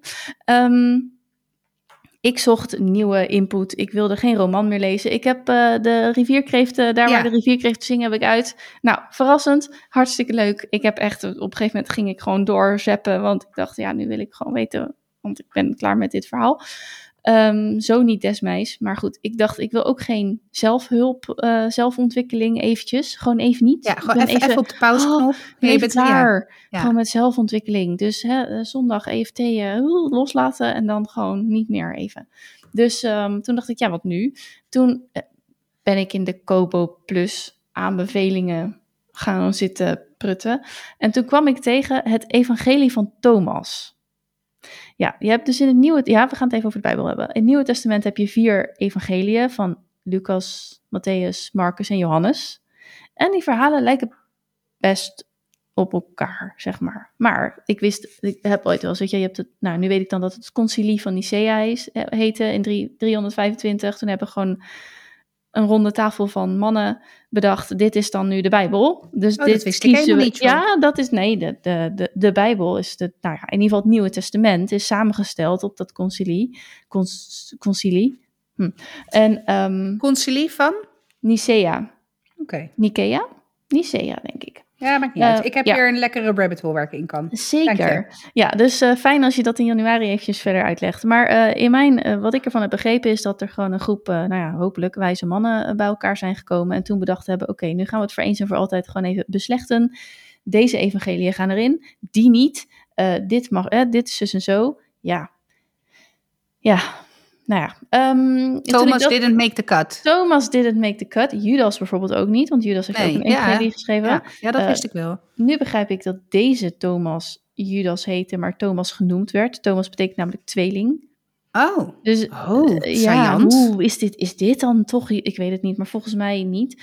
Uh, maar weet je dat bijvoorbeeld Johannes heeft op een gegeven moment uh, de, de twaalf apostelen werden zo gekozen of aangemerkt. En dat die echt, Johannes zei ook echt, of die heeft ook echt opgeschreven, ja, Thomas hoort er niet bij. Jij mag niet meedoen. Nee, dus ook echt zo, oeh. Dacht wat een naar, wat een ja, pester. Politieke, politieke ja. spelletjes, jongen, onder die discipelen, apostelen, discipelen. Ik weet ik heb geen idee. meer. Um, onder de apostelen. Um, anyway, we weten allemaal dat in het Nieuwe Testament de God is verheven en wij, wij zijn zondig. Uh, Jezus is gestorven voor onze zonden en daarom mogen wij, hè, nou, bij Gods gratie, uh, de hemel weer in. Um, dat is Thank you, Jesus. heel plat geslagen wat het, dan, uh, wat het verhaal dan is. Oeh, ik krijg helemaal een soort van rilling ervan, omdat ik er ook zo over praat. Dat mag natuurlijk eigenlijk niet, hè? Um, of dat is inderdaad niet, niet eerbiedig genoeg. Maar goed, dit is plat Oh, gezegd. daar merk je echt dat jij een andere ja. opvoeding hebt gehad dan ik. Terwijl ik wel Zeker. katholiek natuurlijk ben opgevoed. Maar ik heb echt helemaal daar geen enkele vorm van nee, ik krijg echt. Uh, nee, ik heb echt alsof ik nu iets fouts doe of zo. Ja, ja nee. Ja. Oh, wat bijzonder. Ja, dus, um, maar goed, platgeslagen is dat wel het idee. Uh, en het evangelie van Thomas zijn eigenlijk 114 uit mijn hoofd um, versen, stukjes, uitspraken van Jezus. Um, die op een hele andere manier geduid worden. Dus uh, er wordt bijvoorbeeld gezegd. Uh, ehm, nou, het, het is veel, het is veel meer gelijkwaardig. Dus niet Mm. eh, God is toornig en in de hemel en eh, eh, we mogen blij zijn, hè? Hoe, hoe, weet je wel, eh, dit, dit. Maar hier wordt het echt uitgelegd als het zit allemaal in je. Dus eh, Jezus zei bijvoorbeeld, eh, ehm, hoe zou je mij omschrijven? En dan zei, zegt de een, weet ik het, Petrus zegt als een wijze filosoof en eh, hoe, weet je wel, boven mij. Ja. En Johannes zegt ook zoiets. En eh, Thomas die zegt dan, eh, mijn mond staat me niet toe te omschrijven hoe ik u zie of zoiets. Die geeft een soort van, eh of nee, hij zegt meester, mijn mond staat me niet toe te omschrijven hoe ik u zie. En dan neemt hij hem apart en dan zegt hij sowieso, ik ben jouw meester niet. Dat is natuurlijk een hele gekkige zin. Maar het betekent eigenlijk dat hij wil zeggen, ja, maar weet wel, zijn gelijk- ja. we zijn gelijken en God zit Ja. in jou. Ja. God is iets wat in je zit. Dus het is heel, weet je wel, zoek het in jezelf. Zoek het eh, op een gegeven moment. Dus er is ook dus een uitspraak van Jezus van ehm, het koninkrijk, wat als nou, het, het beloofde koninkrijk, hè, als God terugkomt, dan treden we allemaal naar in het koninkrijk. Of als Jezus terugkomt, dan eh, als je gelovige bent, dan mag je mee naar het koninkrijk, naar de hemel. En, ehm, maar die zegt dat het koninkrijk is al op aarde, maar de mensen zien het niet. Ja, hoe, hoe weet je, als je het dan hebt over didn't make the cut. Ja. En dit zijn dus geschriften die zijn gevonden in eh, kruiken in Egypte. Die zijn teruggevonden. Dit zijn echt, uh, dit zijn wel uh, rond 400 geloof ik. Maar daar zijn uiteindelijk de overgeleverde kopieën van de andere evangeliën ook rond die tijd van. Dus het is, ja, wat kwam er eerst is dan ook nog de vraag. Ja. Um, wordt ook uitgelegd in dat boek. Het is het boek uh, Thomas Evangelie van Bram Moerland. Die legt ook uit dat in de geschiedenisonderzoeken wordt meestal, als er iets op elkaar lijkt, dan is vaak hetgene wat is uitgebreid later. Dus dan heeft de schrijver een mening toegevoegd of een mm. duiding of een. Hè, dus het, het, eigenlijk het meest summeren of het meest kernachtige, dat is vaak het, het, het eerste het meest geschrift, originele. Het meest ja. originele geschrift. En in, nou ja, dan, dan wint, zeg maar, het Thomas-evangelie, het van het evangelie van Johannes bijvoorbeeld. Want die heeft eenzelfde situatie omschreven, maar dan met een veel, um, uh, veel gro grotere duiding erbij. Waarin echt ook weer die, die, die godspositie als in de, de. Maar dat was ook heel nuttig in die tijd, hè? Dat had ook een bepaald nut. Dus op het moment dat jij inderdaad het beeld schetst van twaalf wijzen die rondom een tafel gaan zitten, ik zeg maar wat. Uh, en ook met een bepaalde doelstelling, dus dat het boek uh, gaan samenstellen. En de doelstelling is ook. Um, tenminste, een, een, groot, een grote functie van religie was ook het beteugelen van mensen, zeg maar. Ja, ja om ze in toom te houden. En Ja. dat gaat natuurlijk veel makkelijker als je een, uh, een, Als je een zondige... vorm van God over je Ja. heen hebt hangen, die, die Ja. jouw daden eh, bestraft, zeg maar. Ja, maar het, hij haalt ook aan, ik heb het nog niet uit, maar hij haalt ook situaties aan waarin hij zegt, in iedereen, het zit in iedereen en dat zie je. Doordat je bijvoorbeeld, ehm, ik weet niet of dat katholieke geloof is, misschien wel, maar dat weet je misschien beter dan ik. Als je gedoopt bent, dan mag je in gewijde grond begraven worden. Ja. Kinderen worden pas gedoopt na een dag of zeven. Wat gebeurt er als er een baby van vier dagen overlijdt? Ga je dan naar de ouders toe als pastoor om te zeggen, nou, gecondoleerd en weet ik het allemaal, maar uw kind mag niet in de gewijde grond begraven worden, want het is Ja. nog niet gedoopt. Ieder, nu ik dit zeg, je voelt toch, het is niet oké. Nee. En dat is dus waar, waar, waarop hij zegt van, dit zijn de momenten waarop je weet, in, God in zit in ieder- iedereen. God zit in iedereen, ja. Iedereen voelt, dit klopt niet. Ja, Dit is een dogma, dit is een regel die is opgelegd. Dit is, in je binnenste voel je al, dit gaat nergens over. ja. Dus in het, ja, ik weet niet of het een echt verhaal is, maar in het verhaal gaat de pastoor ook naar die mensen toe en zegt hij, we, we begraven uw baby in gewijde grond. Ongedoopt. Want ja, kom op. Weet je wel, dus Mhm. ja, ik vond het echt, en voor mij, omdat ik ook deze upbringing heb gehad, wierp het echt een ander licht op de Bijbel. Ik heb ook gelijk gezegd, ik wil eigenlijk wel weer een Bijbel in huis, maar ook een Koran en een Torah en ik ook, Ja. eigenlijk ook de Tao Ching. Tao Ja. Te Ching. De, nee, ik zeg het vast niet helemaal goed. Weet je Ja. wel, zo. Gewoon om die, om die, het zijn namelijk wel ehm, wijze boeken, zeg maar. Mhm. Dus ehm, Als je weet hoe je ze moet lezen, want Ja. dat is denk ik wel, ehm, en, dat en dan heb ik het niet over, eh, ik weet hoe ik ze moet lezen, want ik heb eh catechese gedaan. nee, Want Nou, daar, ja. daar, zit, daar zit een enorme duiding vanuit een bepaald oogpunt eh, in, zeg maar. Ik heb vroeger wel de jeugdbijbel gelezen, we hadden de kinderbijbel. Mhm. Maar, ik heb, maar ik heb, en ik heb catechese gehad, want ik heb, ik heb mijn vormschool gedaan. Dus dan moet je, zeg maar. Ehm, maar ik heb daarna nooit meer, nooit meer een Bijbel gehad en ook nooit meer de Bijbel gelezen. Eh, maar dit, dit is wel grappig, want daar speel ik ook al een tijdje mee dat ik heel graag weer zoiets. Maar dan ook inderdaad met dezelfde perceptie, maar dan wil ik ook van de andere, nou ja, grote geloven, om het maar even zo te zeggen, ook de geschriften lezen eh, op zijn Ja, minst. ja. en dat is wel grappig, want eh, ik ben inderdaad katholiek opgevoed. Maar wat ik al zei, ik heb helemaal geen. Er zit bij mij echt nul reservering in, in mijn mening verkondigen over het geloof. Of om überhaupt het op een bepaalde manier erover te hebben.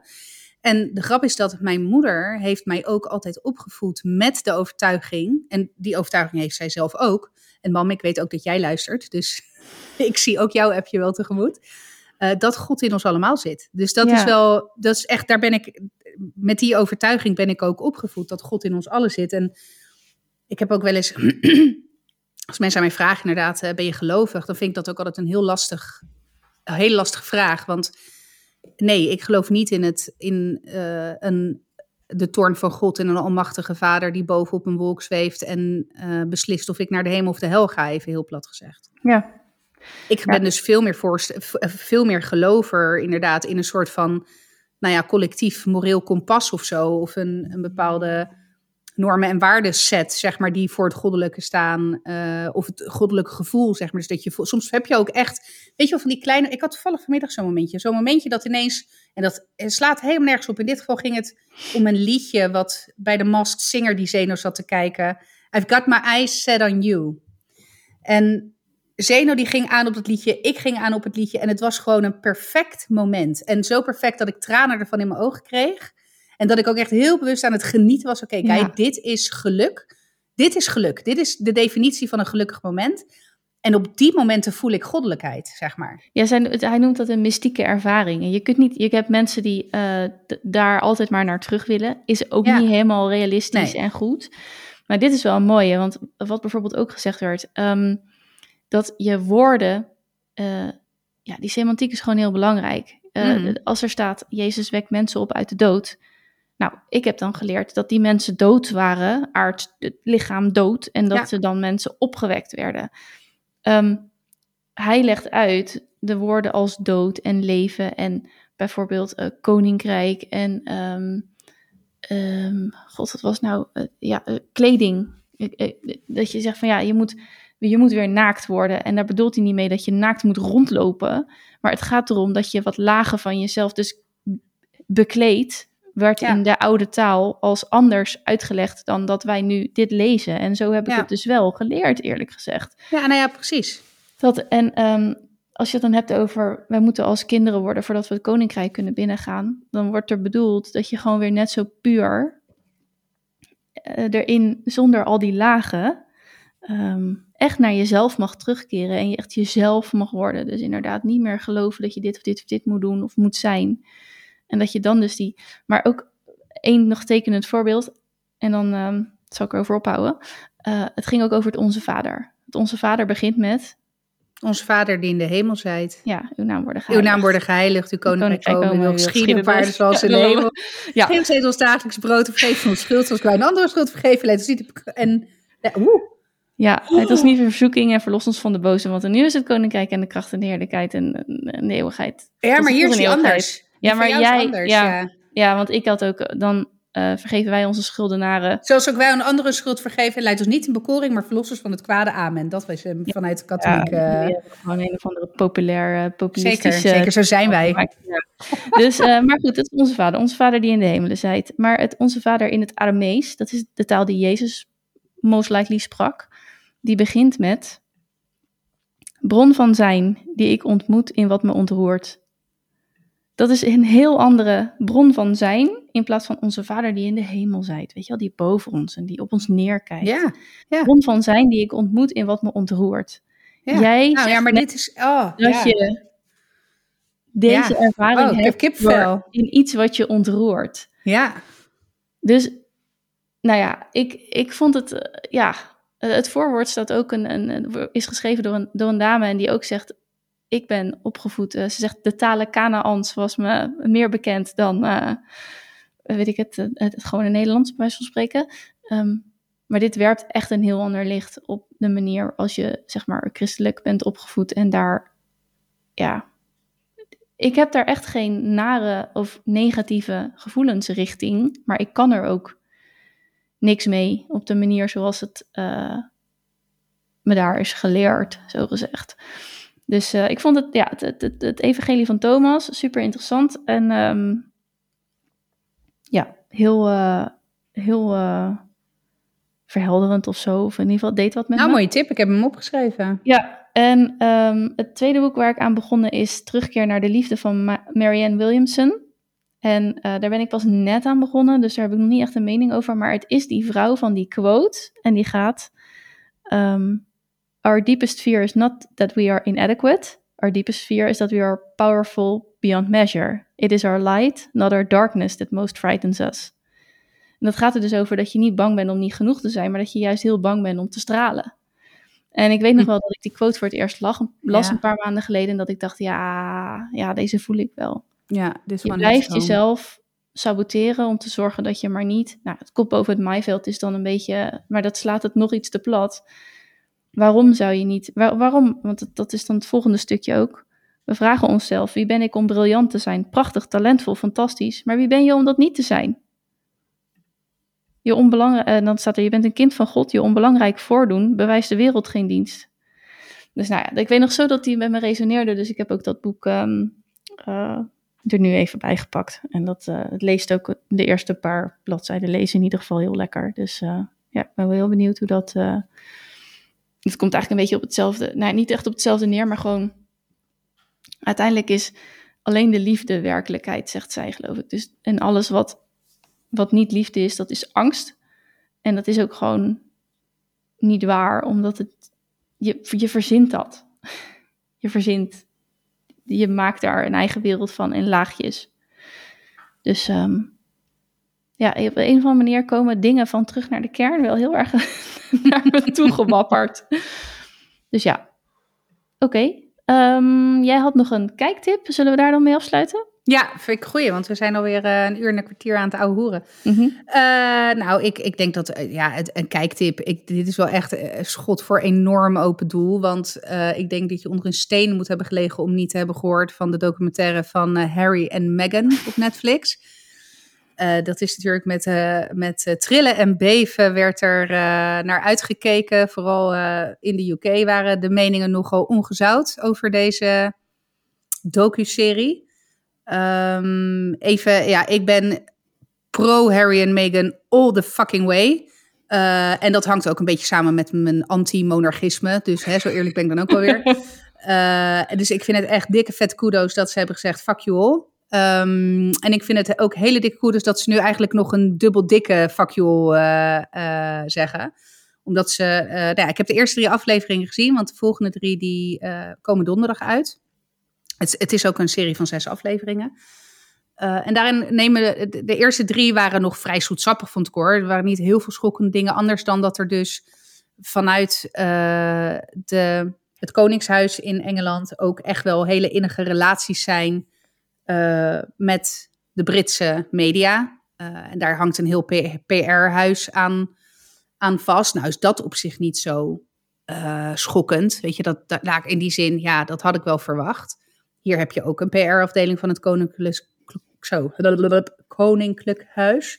In de vorm van de RIVD is dat toch, die dat, die dat doet? Rijksinlichtingen, Voorlichtingendienst. Um, maar, en dat is natuurlijk wel uh, saillant, is dat... En ik, ik hoop dat daar in de volgende drie afleveringen wat meer details over prijs worden gegeven.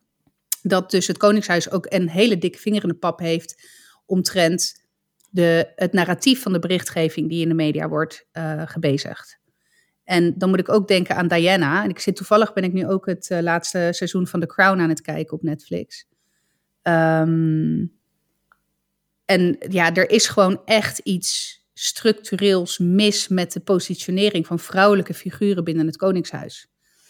Uh, in ieder geval het Britse Koningshuis. En um, nou ja, de, de shit die, die Meghan Markle en ook Diana hè, toen er tijd ook zich heen heeft moeten krijgen. waarbij dus eh, bij Meghan Markle natuurlijk nog een, het, er ook nog een dikke vette laag racisme overheen gesmeerd eh, is. Ehm, nou ja, ik vind het echt. eh, ik, ik stond al volledig aan. Ik had niet deze documentaire nodig om mijn mening te vormen. Mijn mening had ik al. Maar ja, ik, ik vond het erg. eh, ik vind het ook gewoon echt oprecht een leuk koppel. Dus Ja. Nou ja, en eh, zij Ja. zijn ook wel een, weet je, wel, dat is ook een beetje waar onze, want zij zijn ook van onze leeftijd, ja, dat je op een gegeven moment, je bent klaar met alles, je, niks, je, zeg maar, ehm, traditie en autoriteit, we hebben er respect voor, ja, maar dat, de, dat bepaalt ons leven niet meer. Wij, of wij samen, als in, in jouw geval redactie en jij, en hier huisgenoot en ik, en eventuele kinderen, dat is de basis waar je vandaan gaat. En alles wat daar niet bij je, je bepaalt je waarde, je bepaalt je kompas, wat daar niet bij past, kan respectvol terzijde worden geschoven, want dit gaat mijn leven gewoon niet zijn. Klaar. ja. Ik ga eh, ergens op de Bahama's kippen houden, als ik dat wil. Ja. Dus, eh, en dat hebben zij ook gedaan. Alleen ja, voor de eye of, in de eye of the public. En ehm, zij zetten natuurlijk wel een heel groot instituut aan de kant. Maar het is ook inderdaad een instituut wat ze geen zak, geen vinger heeft uitgestoken naar iemand die een hulpvraag heeft. Ik vond Nou ja, het en dat heel was wonderlijk. met Diana, was dat natuurlijk, dat, daar is dat toen verschrikkelijk misgegaan natuurlijk. Kijk, ik, het is ook wel, eh, toen zij, ik heb dat ook gezien bij Oprah en zo. ja, En ehm, het is ook wel gewoon wel, ja, een beetje lachen. Ik moest er wel een beetje om lachen. En daar deden zij toen ook wel wat grappig over. En ze van, ja, oké, zo boeiend is het ook weer niet. Maar zij komt daar en ze gaan voor het eerst dan naar eh, de, eh, may she rest in peace, naar Queen Elizabeth toe. En eh, zij zegt, kan je zo'n, hoe heet zo'n zo'n referent. Ja, kan- kan je zo'n buiging- referent, Ja, nee, een, ze er een ander woord voor volgens mij. Nou goed, in ieder geval inderdaad zo'n buigingje maken. En ehm, eh, dat, eh, nee, dus dat hebben ze nog zeg maar soort van voor de, voor, voor de voordeur staan oefenen. Ja, dat stukje komt ook terug in deze docu. En dan zie je Meghan Markle ook um, helemaal... Want dat gaat op, een bepaalde manier. Dat is helemaal niet zo heel dramatisch, zeg maar. Het is niet dat je tot op je neus op de grond hoeft te buigen voor de... Nee, precies. Maar- Maar, dat, maar dat zijn, zo deed zij het blijkbaar wel een soort van. Dus ze ging helemaal op die bank, zo alsof ze, nou ja, wat je in Hollywoodfilms ziet. Ja, hè, zoals je. Eh, maar als je dan ziet hoe anderen het doen, ja, geloof ik een voetje naar achteren en een beetje zo. Hè? Maar ik, Ja. nou, daar heb ik dus al. Ik zou dat, ik kan dat niet. Nee, nee, nee. jij nee. popt net zo hard iedere dag op de play als ik. Ja, nee, jij zou Hoop ik voor je dat je Jij dat zou doet. ook Maar- echt niet geschikt zijn voor het Koningshuis, inderdaad. Nee. Nee. Nee, mij niet bellen met al die scheidprotocollen waar ik het één het Nee, niet maar- van inzie. En twee, die, als je het hebt over jezelf boven je volk plaatsen, je onderdanen, hè? Ja, ik ga helemaal off the wagon hier. Maar Nee, maar ook even serieus. Want in, laat ik het zo zeggen, ik bedoel, een, een president kiezen in Italië kunnen ze er ook heel wat van natuurlijk. ja, maar dat is in ieder geval niet bij bloed gekozen, zeg maar. Nee, je hebt in ieder geval een keuze. Je hebt de illusie van een keuze op zijn minst. Maar goed, ehm, je staat bij mij offline. Ik weet niet waarom. Ik hoor je nog steeds. Dus ik ben heel benieuwd of ook gewoon hele Dit is 30 ook denkt, kap er maar mee. jullie, jullie seizoen, nee, jullie winterstop gaat nu in. Dus ehm, ik ga hem even afsluiten. Wil jij nog iets aan de luisteraar kwijt voor eh, de komende weken? Fijne feestdagen. Ja, nou hetzelfde van mij. Lieve luisteraar, bedankt voor het luisteren. Wij zijn er op 12 januari weer. En ehm, ja, je kunt ons nog steeds volgen op Instagram. Zouden we leuk vinden. Dank voor het luisteren en tot de volgende keer. Doei doeg. Doei.